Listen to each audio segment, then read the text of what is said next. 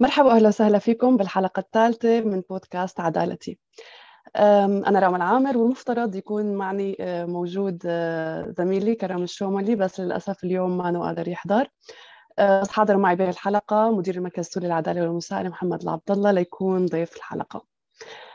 للي ما شاف الحلقتين الأولى والثانية السابقات فينا يشوفون على صفحة المركز السوري للعدالة والمساءله أو يسمعون على تطبيقات صوتية مثل سبوتيفاي أبل بودكاست جوجل بودكاست أو محل ما بتسمعوا آه، لأي بودكاست تركيزنا بهذا البودكاست هو تغطية محاكمة الطبيب السوري علاء ميم المتهم بارتكاب جرائم قتل آه، وتعذيب المعتقلين أثناء عمله بالمراكز آه، أثناء عمله عفوا بالمشافي السورية بسوريا بدمشق وحمص وحكينا بالحلقة الماضية بعض من تهمه. المحاكمة رح تبلش بشهر واحد السنة الجاية. يعني بعد شهر تقريبا ورح يتم الإعلان عن مواعيد جلسات المحكمة لاحقا. أه، بس مثل ما وعدناكم بالحلقة الماضية أه، رح نناقش اليوم بعض المشاكل أو خلينا نسميها نقاط الضعف ببعض الشهادات يلي استمعت لها المحكمة بكوبلنز. من قبل شهود وضحايا بعض الشهود غيروا أقوالهم. بعض الشهود رفضوا يشهدوا آه، بعد ما تم استدعائهم وغيرهم بالغوا أو آه، ما كانوا كتير دقيقين بتوصيف الواقع آه، سواء عن عمد أو عن جهل أو حتى بسبب وضعهم النفسي أو صحتهم النفسية يعني. بس قبل ما نغوص بهي التفاصيل ويعلق علي ضيفنا ناشط البحث في مجال الديمقراطية وحقوق الإنسان محمد العبد الله. نتمنى مشاركتكم وتكتبوا لنا أسئلتكم بالتعليقات لنطرحها عليه كمان. آه، بس هلأ راح أحكي لكم عن خبرين مهمات جدا قبل ما نبلش. الخبر الأول هو عن حدث كتير مهم واللي هو أول حكم عالمي صدر يوم الثلاثاء بتاريخ 30 نوفمبر الماضي خاص بأول محكمة جنائية في العالم تتناول الإبادة الجماعية ضد الأزيديين. المحكمة الإقليمية العليا في فرانكفورت بألمانيا أصدرت حكم بالسجن مدى الحياة على المدعو طه الجي يعني الجي يعني حرف الجيم أو الحرف من كنيتو آه، ما بنقدر نقول كنيتو واللي انضم لتنظيم آه، الدولة الإسلامية. وجدت المحكمة طه مذنب بارتكاب إبادة جماعية ضد الأقلية اليزيدية وهي أول مرة يدان فيها عضو سابق آه، في الجماعة المسلحة تطلق على نفسها تنظيم يعني اسم الدولة الإسلامية أو داعش بارتكاب آه، جرائم إبادة جماعية. يعني هذا أول حكم آه، على مستوى العالم يستخدم هذا التصنيف. نحكي لكم شوي هيك بس طه الجيم هو بالفعل أول جهادي مزعوم حكم وأدين بتهمة الإبادة الجماعية ضد الأزيديين مثل ما بنعرف تعرضت الأقلية الدينية اليزيدية الناطقة باللغة الكردية للاضطهاد والاستعباد من قبل أعضاء تنظيم الدولة الإسلامية في العراق وسوريا لما سيطروا الجهاديين على مساحات شاسعة من هالأراضي. وممثلي الادعاء قالوا أنه طه الجي آه، هو مواطن عراقي بالغ من العمر 29 سنة. كان متزوج من آه، مواطنة ألمانية آه، اسمها جينيفر واو. وكان وكان هو وزوجته أعضاء بالحسبة اللي هي شرطة الأخلاق التابعة آه، لتنظيم الدولة الإسلامية. آه، والإدعاء بيقول إنه طه هو وزوجته آه، اشتروا بين قوسين يعني واستعبدوا امرأة يزيدية وبنتها اللي اسمها رانيا والبالغة من العمر خمس سنين. بالعراق كعبيد منزليين في الموصل عام 2015 وبعدها انتقلوا للفلوجة. وبيوم بعد ما مرضت البنت الصغيرة وبللت فراشها مثل أي طفل يعني آه، قام آه، طه بتقييدها في الخارج بسلاسل كعقاب لها وتركها تموت في الحر الشديد. مثل ما بنعرف بالفلوجة ممكن توصل درجات الحرارة لل 50 درجة مئوية يعني درجات حرارة عالية جدا. والأم كانت بالمكان وشافت كل شيء وشافت بنتها يعني ماتت. آه، وبناء على هالشيء ودين بارتكاب جرائم إبادة جماعية وجرائم ضد الإنسانية وجرائم حرب. آه، والدة الطفلة اللي يعرف عن اسمها بنورة آه، كانت شاهدة رئيسية في القضية ووصفت تعرضها للاغتصاب عدة مرات آه، من قبل جهادي داعش بعد ما اجتاحوا قريتها بجبال سنجار بشمال غرب العراق بأغسطس عام 2014 وطبعا من كمان محامينا يمكن سمعتوا امل كلوني كانت متواجدة. أما بالنسبة لجينيفر واو اللي هي زوجة طه فكانت فكمان أدينت مؤخرا بمحاكمة منفصلة بميونخ. بشهر أكتوبر الماضي بتهمة جرائم ضد الإنسانية في شكل استعباد. والمساعدة والتحريض على قتل الفتاة بعدم تقديم المساعدة للطفلة. والحكم كان عليها عشر سنوات. كيف قدروا يمسكوا طه؟ فالجواب هو إنه التحقيق تم بالأول مع جينيفر بألمانيا. زوجته فبالتالي باعتبار هي زوجته والقضيتين مرتبطات ببعض طلبوا تسليمه لطه اللي تم القبض عليه في اليونان بعام 2019 كان وقتها يعني باليونان وتخيلوا أعزائنا المستمعين آه، ورد إنه كان عم يحاول يتقدم بطلب للحصول على وضع لاجئ. آه، والحكم كان مثل ما حكينا السجن مدى الحياة على طه وكمان يدفع للأم خمسين ألف يورو. آه، للتوضيح أكثر للسادة المستمعين الأمم المتحدة سبق وأقرت إنه الجرائم ترقى إلى مستوى الإبادة الجماعية بالإضافة إلى عدد قليل من الهيئات الدولية والوطنية الأخرى. بس ما صار ابدا إنه محكمة قانونية قالت أن ما حدث لليزيديين هو إبادة جماعية. وباعتبار أنا لحالي بهي الحلقة على هذا الموضوع راما إذا تسمحي كان في كان في آه، بيان لوزارة الخارجية الأمريكية. بتذكر كان وزير الخارجية جون كيري صنفوا داعش على أنها تنظيم آه، يقترف جريمة الإبادة الجماعية. آه، يعني وكان وقتها جزء من القرار مبني على الإعلان الذاتي لداعش أنها قادمة لتقضي على الأقليات الدينية الأخرى وأنه كان في بيانات لهم إنه هدول يجب قتلهم ويجب إنهائهم ويجب كان تصريحات داعش استند إليها لتصنيف آه، ما قامت به الدولة آه، الإسلامية بين هلالين أو ما قام به التنظيم على أنه جريمة إبادة. وكانت خامس مرة الولايات المتحدة تصنف ما يحصل على أنه إبادة جماعية منذ الحرب العالمية الثانية. لكن النقطة الأهم اللي أشرت لها وتماما الكلام دقيق لأول مرة تطلق الصفة بشكل قانوني من قضاء من محكمة. وهي أهمية الصادر على طبعا الجريمة مأساة طبعا رابط طفلة وتقييدها في الخارج وتركها الجفاف والموت بالحر الشديد. آه، لكن الصيغة القانونية لم تكتفي المحكمة بجرائم ضد الإنسانية ذهبت لأنه هي جريمة إبادة جماعية حصلت ضد الأقلية اليزيدية وحكمت طه بهذا الحكم. تماما. آه، طبعا باعتبار أنا لحالي محمد بهي الحلقة فممكن كمان بالحلقة الجاية نحكي أنا وكرم ليش كثير صعب آه، موضوع إثبات تهمة الإبادة الجماعية لأنه يعني تتعلق بالنية وكثير شغلات آه، وفي تحديات بتقديم هذا النوع من الجرائم للعدالة. تمام. بس هلأ رح ننتقل لنحكي عن موضوع يمكن طرقنا له شوي سابقا واللي هو ليش أجريت المحاكمة بألمانيا؟ كيف استطاعت ألمانيا محاكمتهم مع العلم إنه طه عراقي تم اعتقاله باليونان الضحية عراقية والجرائم حدثت في العراق. آه، بس قدرت ألمانيا بفضل مبدأ الولاية القضائية العالمية أنه تقاضي وتحاكم طه وحكينا عن هذا المبدأ بالحلقة الأولى. آه كمان حكيت أنت عنها في يعني فيكم ترجعوا لها كمان. بس هو باختصار إنه بموجب هذا المبدأ آه بتسمح ألمانيا لمحاكمها بمقاضاة المتهمين بجرائم ضد الإنسانية لو ارتكبت هي الجرائم بأي مكان بالعالم. آه، وحتى الدول الأوروبية يعني اللي ما عندها اختصاص قضائي عالمي فينا تحاكم رعاياها المسمين بالمقاتلين الأجانب مثلا في العراق وسوريا. بس ألمانيا لسه متقدمة على كثير آه، يعني من الدول الأخرى. باعتبارها الدولة الوحيدة اللي بتلاحق أفراد اللي عم تلاحق أفراد آه، تنظيم الدولة الإسلامية وسبق واتهمت ألمانيا العديد من رعاياها الألمان والأجانب بارتكاب جرائم حرب وجرائم ضد الإنسانية باستخدام مبدأ الولاية القضائية العالمية. وطبعا كانت المحاكمة رائعة يعني من عدة جوانب كما أنه هي يعني مثل ما قلنا أول محكمه تستند إلى مبدأ الولاية القضائية العالمية اللي بتناول الجرائم المنصوص عليها بالقانون الدولي واللي ارتكبت في الخارج من قبل جاني مانو مواطن ألماني بس تم تسليمه إلى ألمانيا بناء على مذكرة توقيف دولية. وعلى السيرة يعني آه، شوفوا الفرق بين آه، ألمانيا وفرنسا نعم. بالوقت اللي ألمانيا عم تحقق خطوات. طبعا أنا يعني حكيت إنه عم تلاحق بما يخص الدواعش يعني خلينا نقول بس هي كمان ألمانيا عم تلاحق الشبيحة وكمان الناس اللي هن ارتكبوا جرائم من طرف النظام السوري. مو بس يعني الجماعات المسلحة أو هي عم تلاحق الجميع من كل الأطراف. بس مثلا بالوقت اللي عم تحقق ألمانيا فيه كثير يعني خطوات مهمة أه، فرنسا عم تسجل تراجع.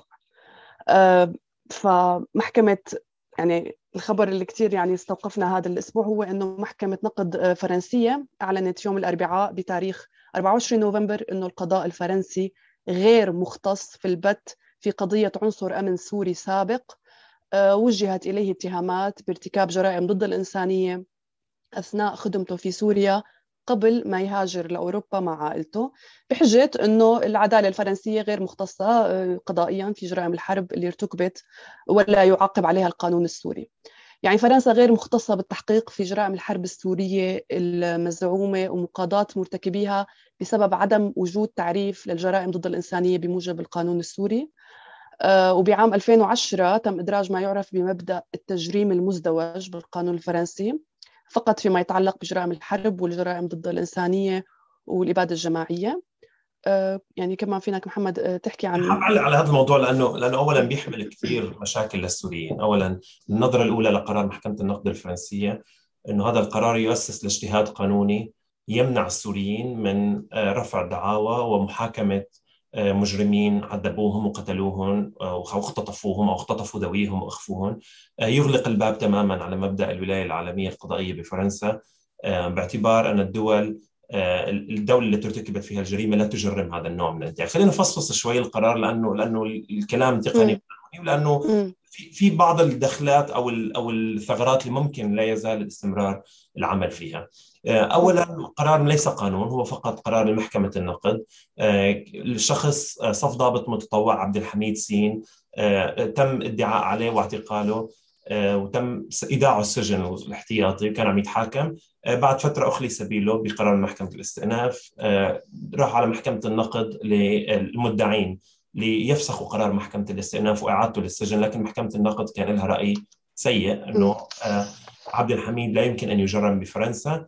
لسبب اللي هو اللي اشرتي له راما هو القانون اللي يسموه التجريم المزدوج عادة بالقوانين لا يمكن محاسبة شخص في بلد آخر على جريمة اقترفها في بلده إذا لم يكن القانون في بلده يعاقب عليها. مثلا أنا عملت جريمة بسوريا قبل ما جيت على أمريكا.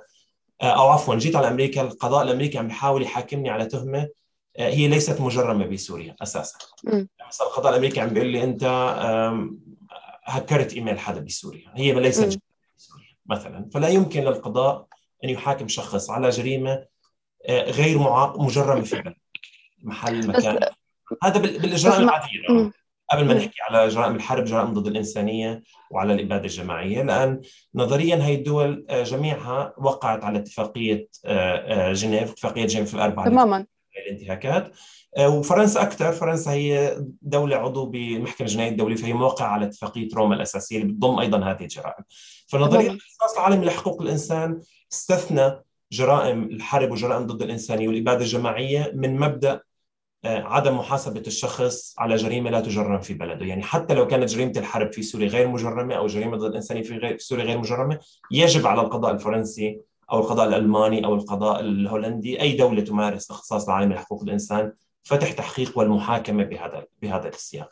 محكمة النقد استندت على القانون الفرنسي نفسه. بعام 2010 كان في تعديل له. بيقول إما القانون يجب أن يكون في بلد الجريمة بلد ارتكاب الجريمة يكون ينص على هذه الاتهامات صراحة أو تكون الدولة عضو في اتفاقية روما لمحكمة الجنايات الدولية. وبالتالي آه، تصبح هذه الجريمة مجرمة في البلد الأم وفي فرنسا أيضا.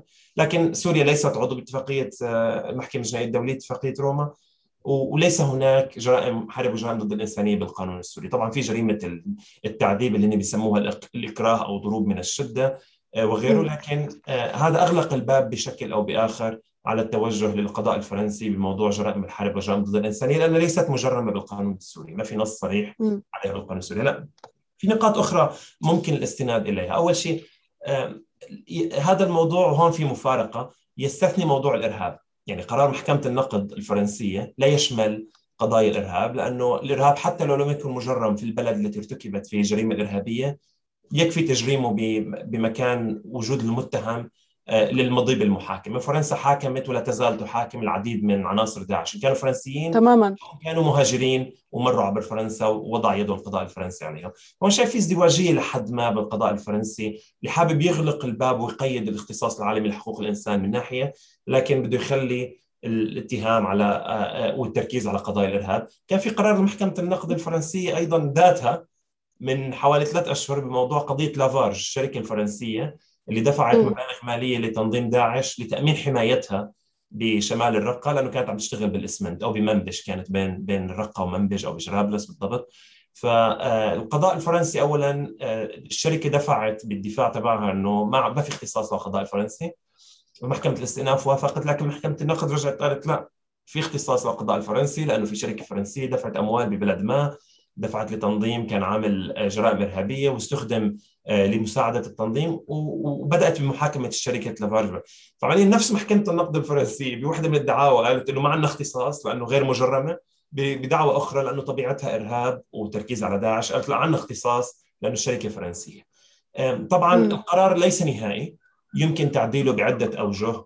آه، طبعا قرار محكمة النقد عادة هو القرار الأعلى هي المحكمة الأعلى في أي قضية. آه، لكن في حال ذهب المشرع الفرنسي لتعديل القانون بنفسه أصبح هناك قانون جديد يسري بهذا الموضوع. محكمة النقد ملزمة ب أو المحاكم القضاء الفرنسي ملزم بالقانون الجديد هذا من ناحية.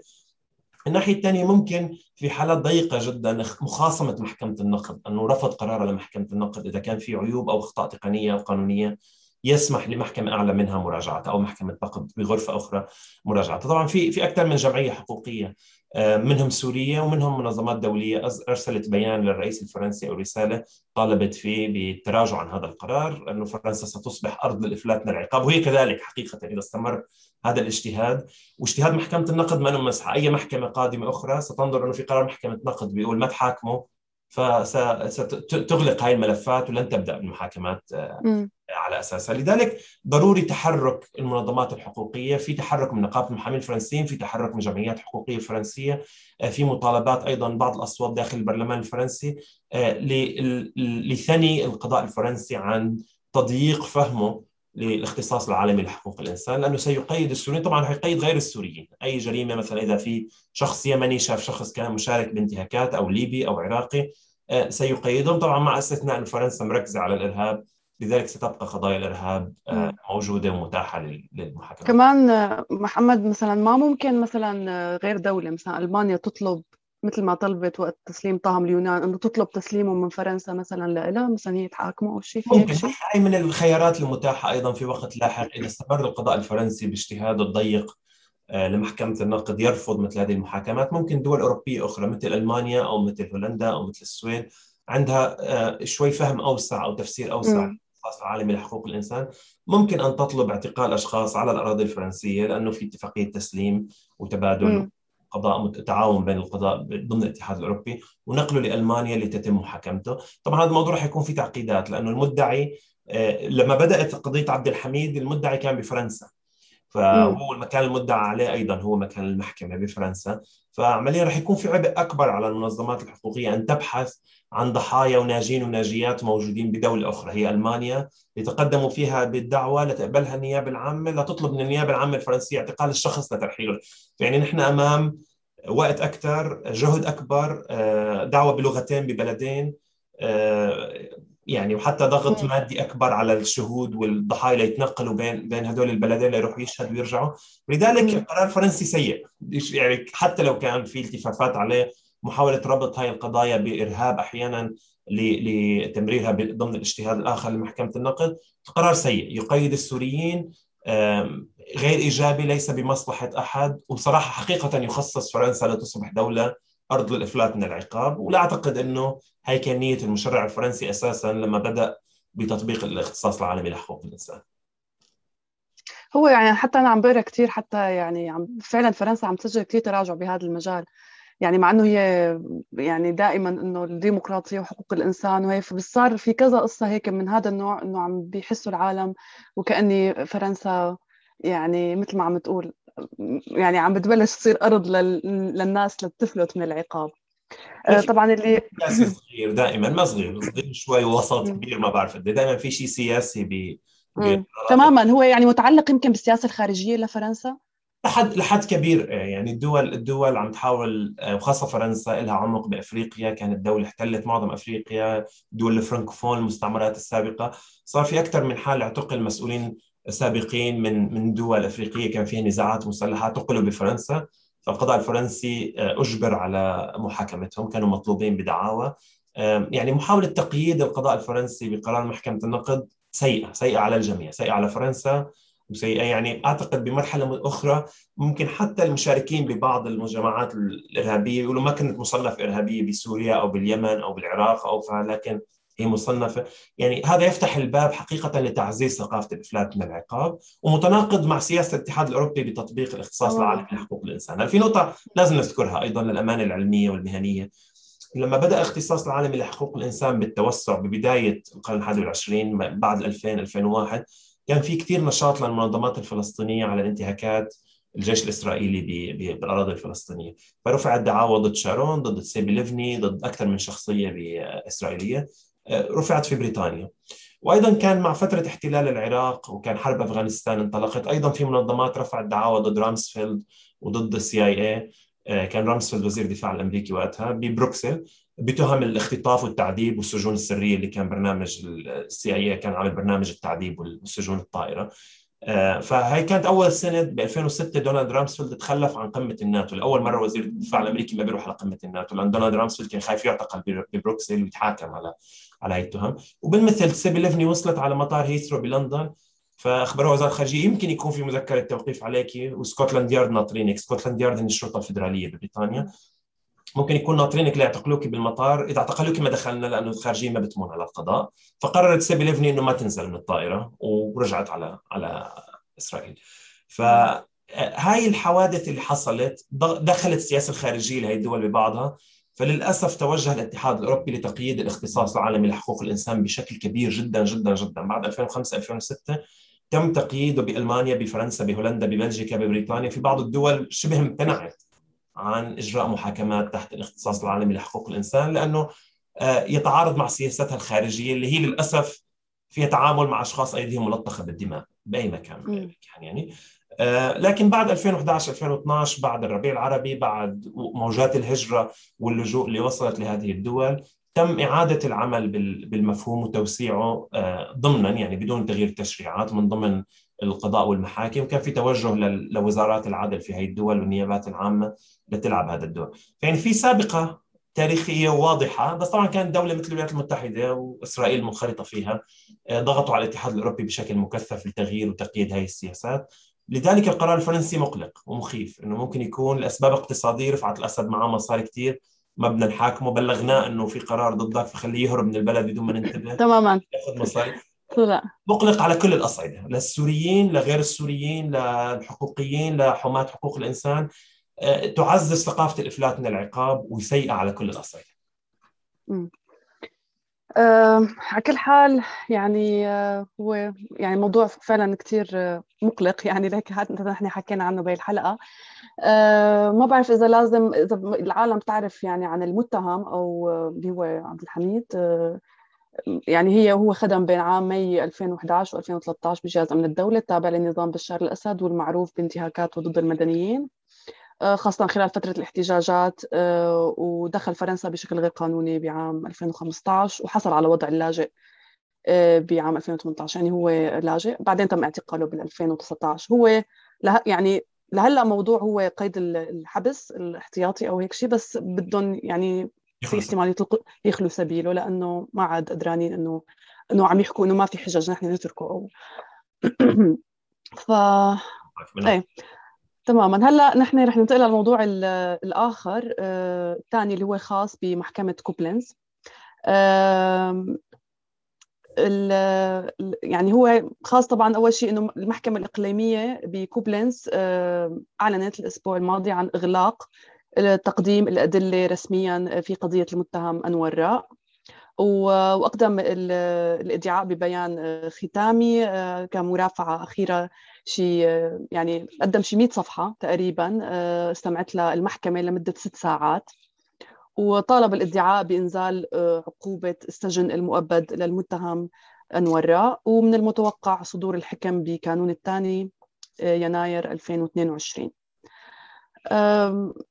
محمد هلا نحكي شوي عن هذا الموضوع. آه، لو تحكي شوي للسادة المستمعين نقاط الضعف بالشهادات اللي انقالت أمام المحكمة وليش برأيك هالشيء حدث؟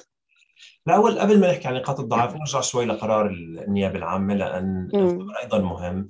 طلبت بالحبس المؤبد المشدد. عادة ما في عقوبه اعدام بالاتحاد الأوروبي. الحبس المؤبد تماما. يسمح بإخلاء السبيل أو إخلاء السبيل المشروط تحت المراقبه بعد 15 سنة عادة لكن الحبس المؤبد المشدد لا يسمح بإخلاء السبيل بعد 15 سنة. فعليا المحكمة النيابة العامة عم تطلب من المحكمة ان تحكم على أنور راء آه إنه ينسجن مدى الحياة فعليا مدى الحياة لا يخلى سبيله فيها وحكم مشدد. آه النيابة العامة في قرارها تراجعت عن الاتهامات بأحداث قتل 58 معتقل واكتفت بقتل 30 معتقل فعمليا هذا يثبت أنه النيابة فشلت بإثبات 28 حالة وفاة تحت التعذيب لكن التزمت أيضا بال 4000 حالة تعذيب لم تفضي للوفاه أيضا وضعتها ب بالمطالعة النهائية كجزء من الاستناد عليه للمطالبه بحكم السجن المؤبد المشدد. آه، محكمة كوبلنز آه، لها شجون كبير. لها لأن أول محكمة لضابط رفيع المستوى شارك فيها أطراف كثير صار فيها أخبار كثير أخبار سارة وأخبار غير سارة آه، صار فيها خطأ تقني باعتقال إياد غيم بالبداية. لذلك تم الإفراج عنه لأنه كان كشاهد لم يطلع عليه حقوق وتم اعتقاله بعد أيام مرة أخرى لتصحيح الوضع القانوني ضمن اعتقاله. أول مرة القضاء الألماني انخرط بدعوة بهذا الحجم. وبصراحة كان برأيي الشخصي كان المحكمة تكون بمكان يعني أكثر وصولا للإعلام وللناس مثل برلين. كوبلنز بعيدة بجنوب غرب ألمانيا والمحكمة الإقليمية بكوبلنز لم تتعامل مع الملف بحساسيته من أول قضية من هذا النوع بهذا الحجم. آه، وتهم السوريين وتهم العالم بصراحة ليس فقط السوريين. آه، لذلك القضاء كان متحجر لحد ما إنه ما بدنا نخليكم تسمعوا الترجمة للحضور بالمحكمة. هي الترجمه فقط للشهود وللمدعين وللمدعى عليه فقط. مع إنه السماعات موجودة. فترة قالوا ما عندنا سماعات فنحن طرحنا للمحكمه نحن نعطي سماعات من المركز. رفضوا. بعدين قالوا لا مسح السماعات وتعقيمها خلال كوفيد شوي راح يكون آه آه. المحكمة رفضت تماما. بعدين ضمن المرحلة يعني ضمن القضاء رحنا على المحكمة الدستورية، نحن بالمركز السوري للعدالة المسائله كان في زميل منصور العمري آه، في منظمة المركز الأوروبي للحقوق الدستورية اي سي سي اتش ار ساعدونا برفع دعوى ضد محكمة كوبلنز أمام المحكمة الدستورية. يجبر محكمة كوبلنز على اتاحه الترجمة للمستمعين. آه، أخذنا حكم جزئي إيجابي إنه آه، على الصحفيين على المحكمة أن تسمح للصحفيين للاستماع للترجمة. بس الصحفيين اللي سجلتهم المحكمة كصحفيين مسجلين وليس فقط أي صحفي بيجي لاحقا. آه، لكن هذا أيضا ساهم ببعض الأجواء الإيجابية. المحكمة الدستورية العليا بألمانيا استدركت أهمية اللغة العربية للحضور وإنه هي محكمة ليست عن ألمانيا فقط للالمان هي للسوريين. موضوع الإفادات اولا الشهود والناجين والناجيات اللي تقدموا آه، بإفاداتهم لهم كل الشكر. ما حدا بيشكر حدا على دوره لكن لعبوا دور كثير إيجابي بتقديم إفاداتهم. وفي ناس كبست على جروحها ملح وطلعت حكت شو اللي صار. يعني الموضوع إنه حدا يحكي كيف تعذب وكيف انضرب وكيف طبعا. آه، كيف تعرض لتحرش جنسي أو فهو أمر محط تقدير كثير بعض خلينا نقول 10 ل 15% من الإفادات كان في أشكالات، كان في أشكالات من عدة نواحي. آه، الناحية الأولى آه، كان في ميل للمبالغة بكثير افادات من هدول ال 10 ل 15%. منيح. المبالغة أحيانا بالأرقام. مثلا إنه كم جثة كان في؟ نص مليون مليون مليونين جثة. عدد سكان دمشق وريفها 5 ملايين مثلا. لما تقول في مليون جثة أو نص مليون جثة فالمحكمه ما راح تاخذ هذا الكلام. وضوحا إنه الشاهد كان عم بيحاول يقول رقم كبير لكن التعبير خانه بهذا المكان وقال نص مليون أو مليون أو مليونين. آه، بس المحكمة دقيقة بكل المحكمة ما, عم تاخذ ما عم تاخذ كلام تقديري من, من أي حدا. مثلا آه، في إفادات كان فيها تضارب بين الإفادة اللي أدلى فيها الشاهد واحيانا كان الشاهد بس شاهد خبير واحيانا كان شاهد ومدعي أيضا بالحق الشخصي. فبعضهم أدلوا بأقوال كانت متضاربة مع أقوال أمام الشرطة. فالمحكمة محضر الشرطة موجود. إن ليش قلت هيك قدام الشرطة وقلت هون؟ قال لا أنا ما قلت هيك. الشرطة كانت من الاقوال غلط. فالمحكمة بتستدعي ضابط الشرطة اللي حقق مع الشاهد من ثلاث سنوات أو من سنتين ونص. فبيجي ضابط الشرطة بيقول لا الاقوال صحيحة والشخص قرا اقواله ووقع عليها وهي المحضر. ومحاميه كان موجود. إذا بدكم تسألوا محامين يعني أحيانا تم الإشارة للمحامين إنه ممكن نستند إليهم ليتذكروا أكثر. آه، طبعا أحيانا لأنه ما كنا نقرأ لغة. يعني مع إنه الشاهد اللي اللي تدرع باللغة كان طليق باللغة الألمانية كثير وهو أصر على إنه يتلقي افادته بالألماني. آه، فأحيانا كانت كانت غريبة هاي المفارقات. آه، في إفادة أخرى كانت كثير مؤسفه انه الشخص قالت له المحكمة أقوالك متناقضة مع أقوالك إمام الشرطة. فانه الإفادة اللي انبعثت للشرطة تم التعديل عليها من شخص آخر من ناشط سوري. هو ضاف عليها معلومات وبعتها للشرطة. أنا ما بعتها هيك. أنا هاي إفادتي. آه، هاي إش... يعني معلومات إشكالية كثير بالمحكمة. إشكالية لنا كسوريين إشكالية للأشخاص عم يدوروا على الحقيقة إشكالية لملف العدالة وإشكالية للقضاء الألماني نفسه. بمطالعة النيابة نفسها وهي نقطة كثير مهمة لم تسرد بالإعلام للأسف. النيابة نفسها أقرت بخلل الإفادات. فالنيابة عم تقول للقاضي نطلب منك السجن المؤبد المشدد لأنور رسلان بناء على الإفادات اللي اعتبرناها صحيحة. ونريد أن نستثني الإفادات اللي فيها تضارب بين أقوال الشهود أمام المحكمة وأمام الشرطة، نريد أن نستثني إفادة من شاهدة لأنه وضع عن نفسي لم يكن يؤهلها لتشهد ورغم هذا الشيء شهدت فلا نريدها. آه مثلا في شهود إجوا على المحكمة وأيضا مشكورين الجميع يعني على جهوده. آه يعني قال جايين ليشهدوا ضد أنور رسلان أو أنور را؟ أنا فيني أقول اسمه من أمريكا على فكرة. اللي على على ألمانيا. مو مشكلة. آه. فجايين يشهدوا ضد ضد الضابط ضد أنور. آه لكن بافادتهم أمام المحكمة وقالت المحكمة التفتوا عليه شوفوا شكله هل هذا الشخص نفسه؟ ففي شاهدين ما تعرفوا عليه رغم إنه جل إفادتهم أمام الشرطة كانت إنه لا هذا هو هو عذبنا هو حققنا هو. فايضا النيابة العامة استباقا مشان المحكمة ما تستثني القضاء يستثني هي الإفادات بشكل تلقائي. النيابه العامة استثنتها من مطالعتها قالت لن نأخذ بالإفادات التي فشل فيها الشهود بالتعرف على المتهم بشكل مطلق. آه، فمجرد إنه النيابة العامة آه، استباقيا تعمل هذا الإجراء فهذا بيفرجي قديش بصراحة اسانا للنيابه العامة وعرقلنا عملها وضغطنا عليها ووضعناها وضعناها بوضع محرج مع المحكمة. يعني أيضا حتى نفهم تراتبية وهيكلية الموضوع. القضاء مستقل رح يحكم بين النيابة اللي عم تدعي ضد أنور وبين أنور ومحاميه ورح ياخذ بالأدلة فقط ما واقف مع مع النيابة كسايد طبعا. بشكل. طيب محمد ما المحامين تبعون أنور ما حاولوا يستثموا هي القصص والنقاط وضعف الشأن؟ تأخروا بصراحة. يعني ما ما بلشوا ينتبهوا للإفادات الملقنة والشهود التي تم تلقينهم إفاداتهم أو تم عندهم أقوال متضاربة إلا بالمرحلة النهائية. اللي المحكمة صار أمامها كم كبير من الأدلة اللي ما فيها تناقض وما فيها أخطاء. فلذلك اعتبرت إنه البحث بهاي النقاط لن يجدي المتهم كثيرا حتى لو تم استثناء هاي الإفادات بالمطلق لسه أمامه. يعني صور قيصر لعب الدور الرئيسي. لأنه هل هل كان طبعا. يمارس تعذيب ولا لا؟ هذا الفرع في صور طالعة فيه مع جثث عليها أرقام الفرع. خلص يعني الحديث عن التعذيب هي بظن بظن صور قيصر لحالها يعني كانت كافية إنه... طبعا الصور الصور أساسية. الناجين والناجيات أساسيين. قدموا السياق قدموا معطيات مهمة لعبوا دور أساسي بشرح للمحكمة وتفهيم المح... يعني شرح المحكمة مساعدتها على فهم السياق آه، بفروع الأمن. آه، لكن ما كل الشهود كانوا هيك للأسف. يعني الادعاء الدفاع عفوا محامين الدفاع علقوا على المحامي أنور البني. كشخص إنه هو تعامل مع أكثر من شاهد. هدول الشهود يجمع فيما بينهم إفادات متناقضة بين أقوالهم بالمحكمة وأقوالهم أمام الشرطة أو مبالغ فيها. طالبوا المحكمة أكثر من مرة باستدعاء أنور البني واستجوابه على هذا الموضوع. طبعا الحجم الكبير للأدلة الصحيحة والسليمة اللي ما فيها أخطاء التي لا تحمل التأويل والشك يعني دفع القاضي إنه يرفض الطلب إنه يعني ما في ما في جدوى. يعني فينا نفتح موضوع إنه هل كان في عبث بالأدلة وكذا ونحاكم هذول الأشخاص اللي اللي بالغوا بإفاداتهم. لكن المبالغة بالإفادة أيضا أو الخطأ فيها يحمل الخطأ. يعني الشخص ذاكرته كلنا بشر أنا ماني متذكر الصورة صحيحة ماني متذكر التاريخ صحيح. التاريخ متناقض لأني إنسان وبخطئ. فايضا المحكمة عليها أن تتثبت من نية هؤلاء التلاعب بالأدلة. هو ليس بالضرورة ما حصل. يعني ممكن يكون خطأ ممكن يكون آه، مبالغة ممكن يكون سوء تقدير بالكلام. ولا في حالات كثيره بكوبلنز بصراحة ما قدرنا ما قدرنا نفهمها. نحن كطرف راقب المحاكمة آه، ولعب دور بهذا السياق. آه، وحضرنا الجلسات زملائي مرلينا وحسان يعني مرلينا ست ساعات استمعت لل للإفادة بشكل موسع 100 صفحة ل... للنيابة العامة. يعني في إفادات ما قدرنا أو حالات ما قدرنا نفهمها. مثلا على سبيل المثال آه، شخص بيوصل على المحكمة بيقول عائلتي تهددت بسوريا امبارح وإذا بيجي بيشهد اليوم رح يضايقوا عائلتي بسوريا لأنه المخابرات السورية متغلغلة بالمحكمة وعم تسمع شو عم بيصير وكذا. طيب إذا عائلتك تهددت معناته أنت انعرف يعمل حاله حالة فزع عمل يعني صار في حالة فزع كثير بالمحكمة وطلع بيانات من بعض النشطاء إنه المخابرات السورية تترصد المحكمة وترسل أجهزتها لل... بعدين الشخص طلب إنه يخفي هويته.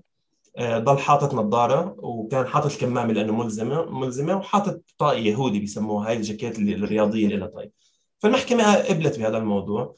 اولا إذا أنت عائلتك تهددت فهن يعرفوا هويتك الأمن فإخفاء هويتك أمام القضاء الألماني ما راح يغير شيء بسوريا. ومن شخص بس طلع برا المحكمة أخذ صورة وحطها على فيسبوك وكتب على فيسبوك شو حكى داخل المحكمة. يعني نحن بصراحة وقفنا عاجزين كطرف عم يراقب المحاكمة. شو كان عم بيصير هون؟ هل كان الشخص خايف؟ ولا بعد ما حكي بطل خايف؟ ولا هل هو رعب نفسي كان عنده وكسره خلال الإفادة؟ ولا كل القصة كانت زوبعة إعلامية وتم الهوبره فيها للأسف؟ هلا في شيء مفيد ينطرح بالإفادات وبالشهادات كسياق أيضا كسياق قانوني. الإفادة ليست دليل مطلق. المحكمة فيها ترفضها. إفادة ضد إفادة ممكن تلغي الافادتين إذا في شاهد بيقول ضربني وفي شاهد بيقول كنت معه ما انضرب هدول بيلغوا الافادتين يعني بيلغوا بعضهم الافادتين آه، ما لها القيمة الدليل كدليل جنائي المطلقة. تعود لمطلق صلاحيه وتقدير القاضي إنه يقرر فيها بيقبلها أو بيرفضها. حتى بالحكم الأول ضد إياد آه، في إفادات استثنتها المحكمة. قالت لم نأخذ بالإفادات اللي كان فيها كذا وكذا وكذا لأنه كان فيها مشاكل تقنية. هلا يعني لأسباب تقنية قانونية لأن المحكمة ما بتنشر الحكم والتفاصيل ما راح تطلع أسماء الأشخاص اللي إفاداتهم تم استخدامها أو لم يتم استخدامها لكن عمليا شبه معروفين للجمهور اللي تابع المحكمة وقدر قدر يستمع ويعرف مين مين هدول الأشخاص. فهي عملت ونحن كمان آه، يعني هي يعني محمد هي ما القصة نحن نذكر الأسماء أو مين هن يعني الموضوع مو شخصي بالآخر الموضوع هو إنه ليش هيك صار؟ وما كان في داعي هذا الشيء يصير لأنه في شهادات كثير ضده مفيدة فما في داعي حدا يعمل بطولات فاضية أو يطلع ويقول يعني حكي خلص واحد ما انضرب ما انضرب عادي في ناس بتنسجن كانت ما عم تنضرب ممكن يكون ال... يعني كان في كمان هيك ناس ما إنه كل العالم كانت عم تتعذب أو شيء ببساطة أنا ما تعذبت أنا بس سمعت أصوات مثلا. تمام. مثل بعض واحد من الشهود قال أنا كنت أسمع أصوات بس أنا ما انضربت شخصيا بس كنت عم بسمع أصوات التعذيب والكذا. هذا يعني بيبين حتى للقاضي إنه هو يعني ما هدفه لا يعني يعطي حقائق غير يعني هدفه إنه والله أنا بدي يشوفوني يبالغ أو يعطي شيء مو مو صحيح. وبنفس الوقت هو بده يقدم شهادة يعني عنده واجب إنه بده يقدم هي الشهادة. وحده من الإفادات هو هي الفكرة. كانت في إفادة إذا متذكر صح بس لأنه كتبنا أكثر من ألف صفحة على مراقبه المحكمة. يعني تذكرتي صحيح كان طبيب الشاهد إذا متذكر صح. فقال إنه هو ما انضرب وما تعذب لكن شاف أشخاص ضربوا وتعذبوا وكانت اثار التعذيب عليهم لما يرجعون بالتحقيق. آه وقال إذا متذكر أيضا صح آه يعني لازم أرجع على المحاضر هي كلها على موقع المركز. قال إنه اخذوه كطبيب خلوه يلقي نظرة على سجين بي على سجين تماما. فهذا الشخص كريديبل آه، يعني عنده شهادة يعني اخذتها المحكمة بعين الاعتبار بجدية لأن آه، يعني عم يحكي حقائق أنه مصداقية. عذبت وأنا انضربت وهذا الضابط عذبني وهذا الضابط ما عذبني و... و... فلذلك هاي الإفادات أثرت الأدلة بالمحكمة وساعدت المحكمة تفهم أكثر سياق الفرع وكيف بيتم في عمليات التعذيب والضرب وكيف من دخول الأشخاص للسجن لخروجهم شو المراحل اللي بيمروا فيها كانت جدا جدا مهمة. هلا في في نقاط أخرى ممكن الاثاره إلى في أكثر من شاهد خبير حضروا بين لأن الشاهد الخبير هو منه مدعي بالحق الشخصي هو شخص مختص بالقانون أو بأجهزة الأمن أو عنده خلفية عن عن سوريا بشكل مكثف. ممكن المحكمة يعني تستعين فيه كخبير آه، ليقدم معلومات للمحكمة يساعدها. في أكثر من شاهد خبير إجوا حضروا بما فيهم أحيانا خبراء من الشرطة الفدراليه الألمانية. إفاداتهم صراحة كانت جدا جدا آه، روتينية. يعني كان فيها سرد بيروقراطي إنه تأسست سوريا تأسست أجهزة الأمن عام 1969 إدارة أمن الدولة تأسس القانون رقم كذا. ما كان فيها إثراء للمحكمة وفي جلسات يعني كوبلنز من المحاكمات الطويلة جدا يعني صار في 55 تقريبا وعلى مدى سنة وشوي وأكثر من ألف صفحة كتابة. وما أثرت المحكمة هاي الافادات يعني ما اعطت سياق للمحكمة عن هذا الفرع.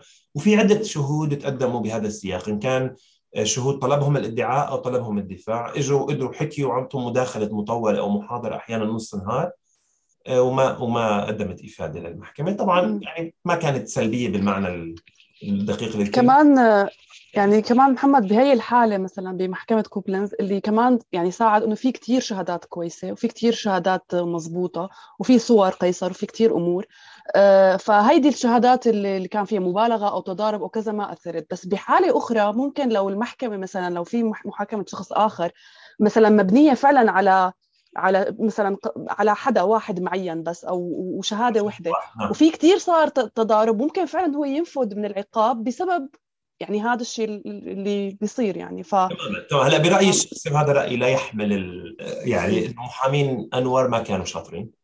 يعني ما كانوا كثير متحمسين ليشتغلوا كذا استدركوا بآخر آخر الجلسات إنه في تناقض بالأقوال إنه في آه، أحيانا تلقين للشهود أو إنه تم الشهود بمحضر الشرطة قايلين مين اللي طلب منهم يروحوا يشتكوا وأعطاهم صورة المتهم ليتعرفوا عليها إلى آخره لكن ما استثمروا هذا الموضوع من البداية ولا كان ممكن يشخطوا عدد كبير من الشهود إنه هؤلاء غير غير آه، يعني غير على الأقل الإفادة غير سليمة على الأقل بتقديرهم.